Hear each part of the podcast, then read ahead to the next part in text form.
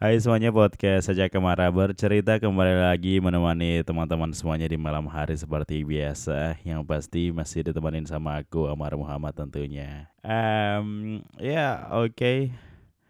Malam malam minggu. Lagi ngapain kalian?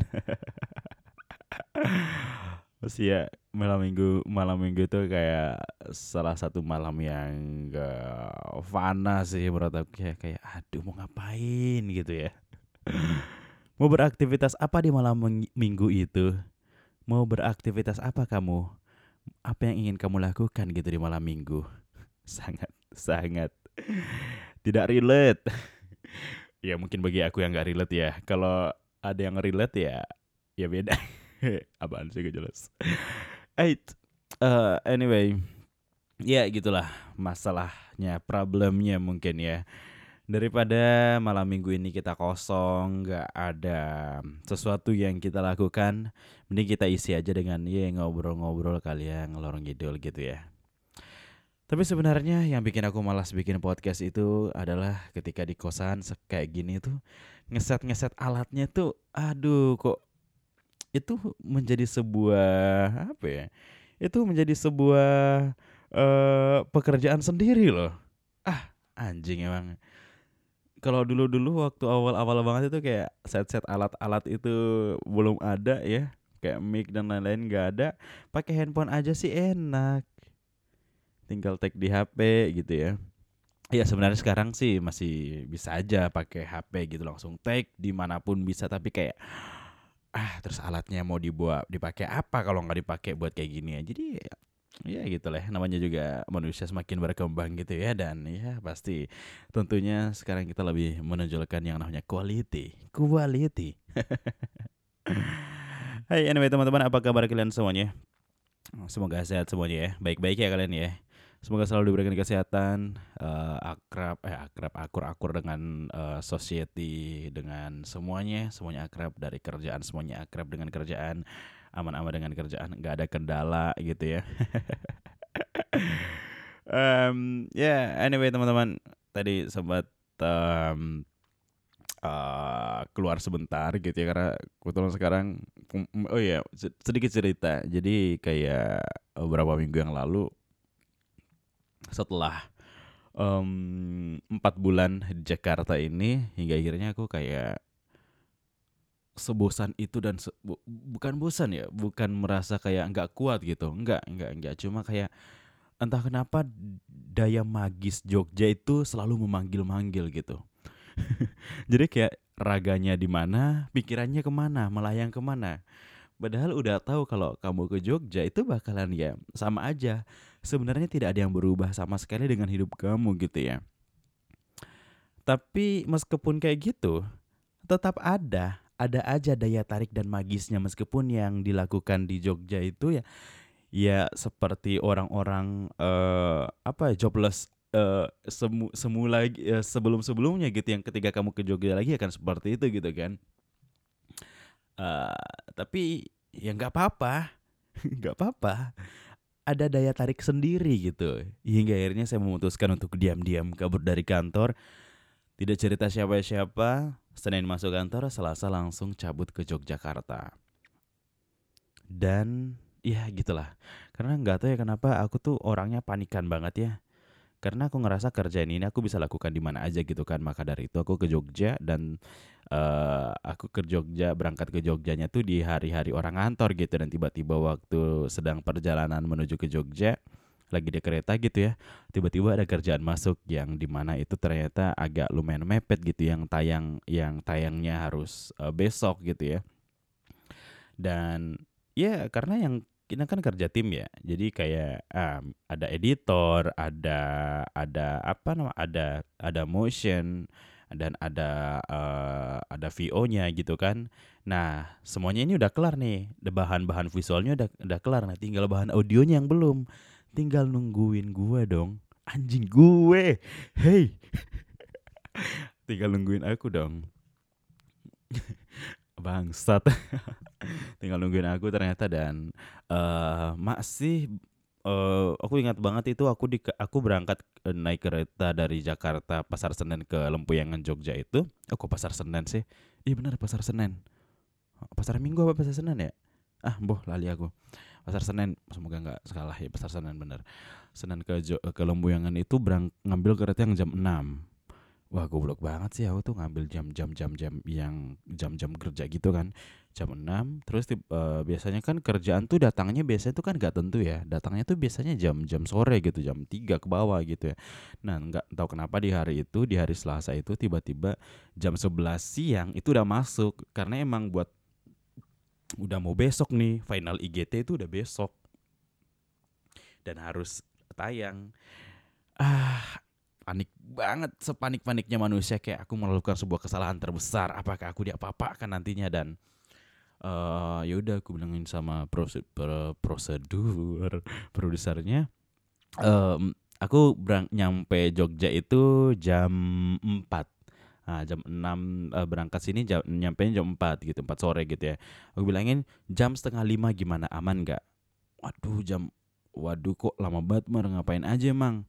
oh enggak lagi lagi ada problem dan lagi ada luar gitu ada aku lagi ada di luar lagi nggak ngantor gitu ya pokoknya alasan aja gitu ya, ya udah deh nggak apa-apa tapi uh, jangan lebih dari itu ya oke siap hingga dari itu wah panik banget dan merasa bersalah banget kayak Nah setelah turun dari Jogja panik banget. Untung ada saudara aku di sana suruh langsung jemput. Kamu sebelum waktu aku di Wates sudah ngabarin kamu jalan sekarang ke Lempuyangan jemput. Terus buru-buru kita balik ke uh, kontrakannya dia. Di sana gue langsung keluarin alat-alat panik banget langsung. Tag untungnya untungnya bisa gitu bisa aku handle dengan cepat. Tapi sayangnya lagi-lagi lagi-lagi karena kondisi perkampungan dan itu sore-sore ada masjid yang ngaji dong. Anjir. Ada masjid yang ngaji. Nah biasanya kan kalau di Jogja sore-sore menjelang maghrib itu masjid-masjid tuh masih tenang gitu ya. Tenang. Nah kebetulan ini di kampung-kampung yang kayaknya banyak uh, yang uh, orang apa gitu yang kalau tiap mau sholat itu ada yang ngaji-ngajinya gitu gitu kan. Ah itu problem banget sih. Diakalin akalin akalin aku di, di, di dalam selimut. Untungnya micnya aku bawanya yang dynamic gitu ya. Jadi aman gitu. Ya yeah, ngerjain uh, dua menit langsung kirim. Anjing cerita apa sih?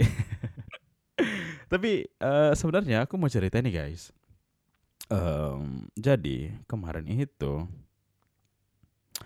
jadi kemarin itu uh, biasa lah ya pekerja-pekerja karyawan itu kalau um, di sela-sela kerjaannya gitu ya, kalau dirasa kerjanya udah selesai atau hari itu lagi nggak banyak, hari itu lagi nggak banyak banget kerjaan gitu ya biasanya kita ngopi kan biasanya kita ngopi di kantin-kantin sekitaran kantin gitu beli kopi gitu terus beli kopi ini bu kopi beli kopi hitam terus ngopi-ngopi ngerokok-ngerokok di bawah-bawah gitu ya ya obrolan-obrolan biasa seperti uh, julitin uh, atasan kayak gitu-gitu.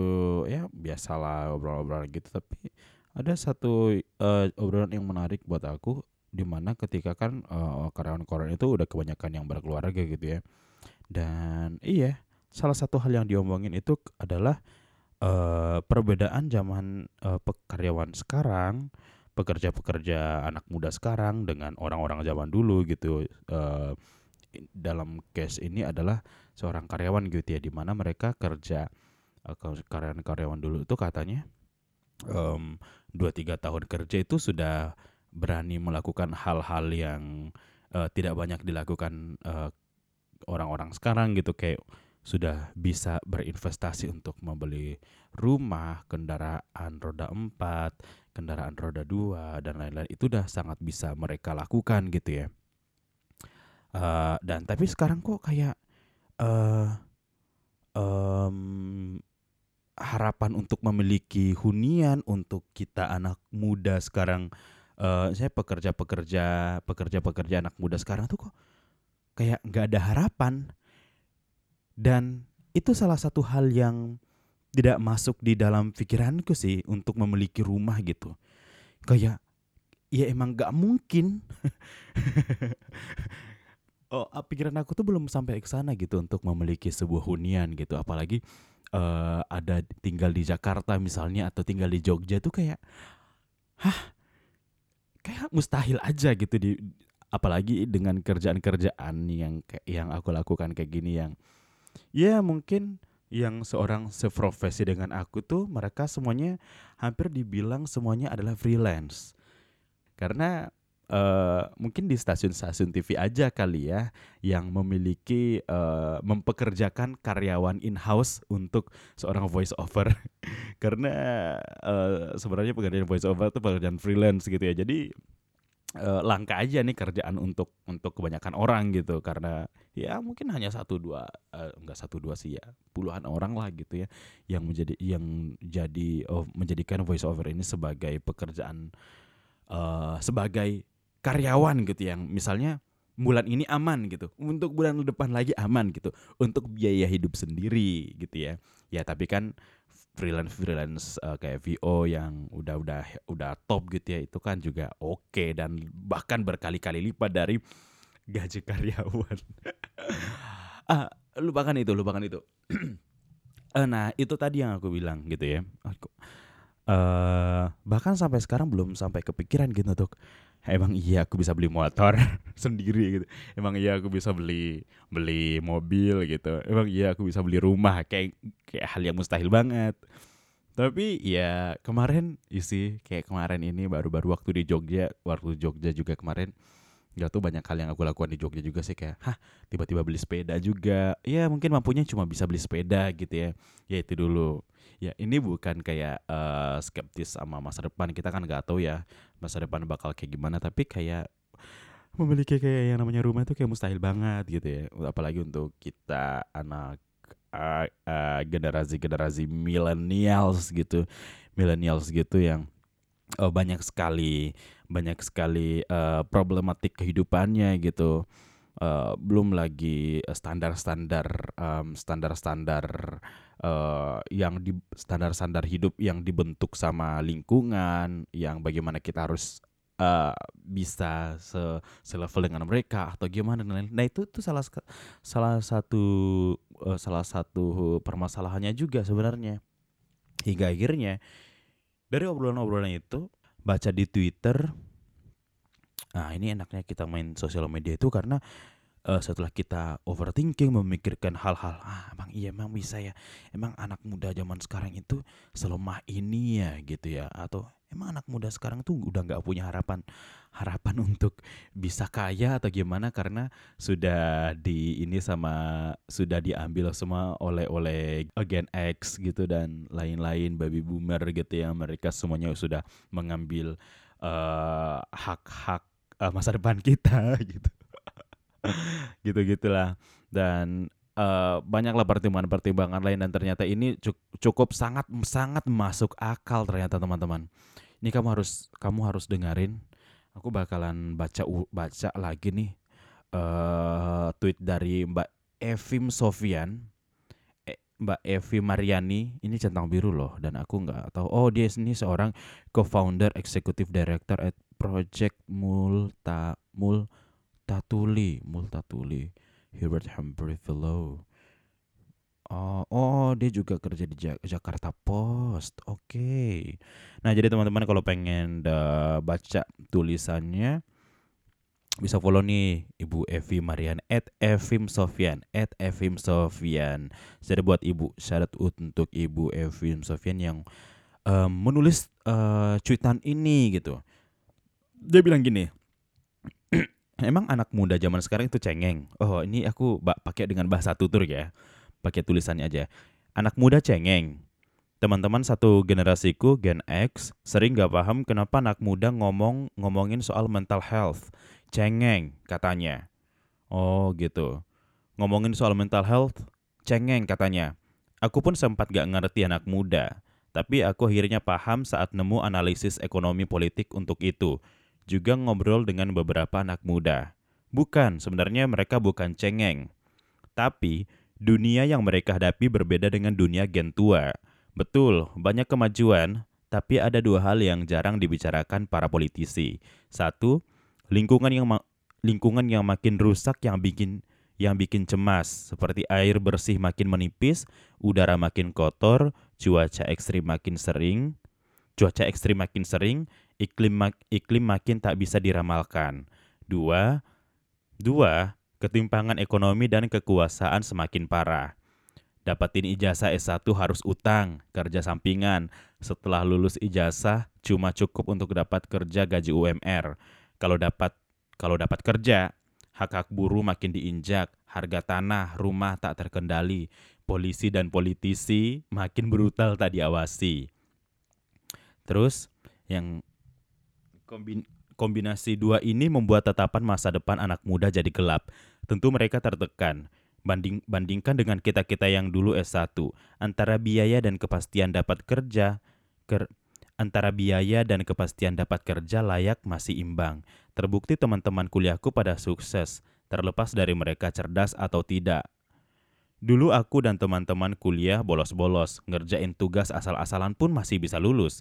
Dan cukup pede sebagai lulusan festival UGM bakal dapat kerja lumayan. Jarang dari kami kudu kerja sampingan, ngirim uang ke ortu, gak ada dari kami tertekan di umur 25 harus jadi CEO startup, umur 25 aku baru lulus S1 gitu katanya. Itu yang aku katakan pad kepada sesama Gen X. Jangan bayangkan dunia anak muda sekarang kayak kita dulu, di mana waktu berjalan lambat dan kita bisa pelan-pelan tapi pasti meraih masa depan lebih baik. Hujannya zaman kita romantis, hujan zaman sekarang ini malah jadi teror. Wah, aku sangat agree sama Mbak Evi ini.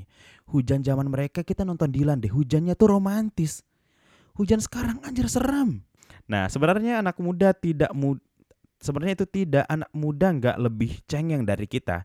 Dunianya saja yang memperlakukan mereka dengan makin tidak adil. Dunia yang diciptakan boomer dan Gen X. Nah lo kan yang bikin kita sekarang jadi kayak susah untuk hidup layak di 10 tahun ke depan. Itu karena ulah para boomer dan Gen X guys. Hey, percaya nggak? Ini karena ulah-ulah orang tua kita. Aduh, jadi ditutuplah gitu. Uh, ditutuplah itu akhirnya tweetnya. Oh iya, ini karya anak-anak muda yang ini juga yang bikin mataku terbuka tentang dunia yang dihadapi dengan anak muda sekarang. Teman-teman bisa baca di Generasi Burnout Project Multa Generasi Burnout judulnya di project multatuli.org. Gimana teman-teman? Apakah kalian juga sangat setuju dengan perkataan dari uh, Mbak Evi Marianne ini? Iya dong, iya dong.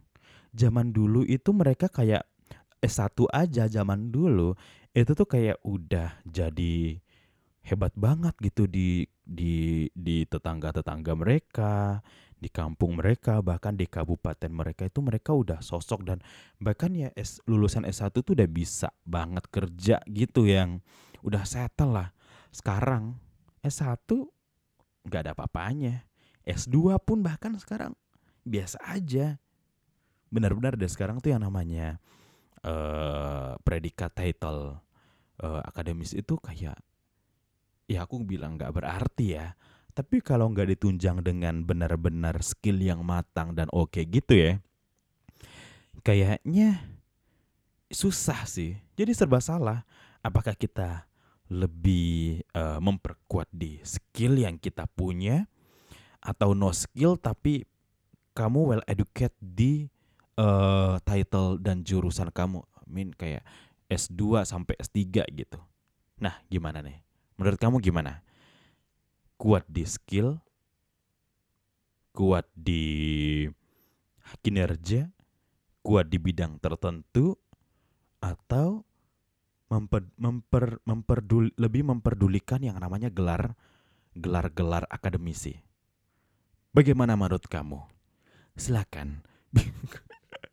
Bisa nih jadi bahan diskusi. Kita nggak sebenarnya nggak takut, nggak takut. Bahkan hidup-hidup begini-begini aja pun kita juga udah udah enak-enak ah nggak perlu mengenakin sesuatu ya kita juga udah menikmati aja menikmati aja apa yang kita miliki sekarang gitu ya menikmati uh, berapa nominal yang kita dapatkan uh, bagaimana kita menyenangkan diri kita sendiri bagaimana mengapresiasi diri kita karena ya orang lain itu ah tidak akan pernah ada tepuk tangan untuk diri kita gitu ya. Yang memberikan apresiasi ke kita tuh ya ya diri kita ini loh. Jadi yang sekarang itu ya hingga akhirnya ya tutup mata, tutup telinga. Jadi benar-benar appreciate to yourself.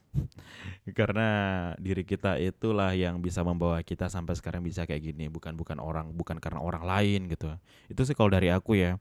Tapi ya kadang-kadang kita butuh tepuk tangan, butuh apresiasi dan lain-lain udah skip aja udah nggak peduli aja kayak gitu yang namanya udah uh, tutup aja harapan-harapan itu karena sebenarnya orang-orang itu tidak benar-benar mengapresiasi kita dengan dengan tulus dan jujur mungkin ada satir-satir di belakangnya tapi yang jujur untuk untuk memberikan apresiasi kepada diri kita sendiri ya kita aja gitu keluarga pun ya I don't know Oke, terima kasih atas atensinya. My name is Amar Muhammad. See you on next episode. Bye.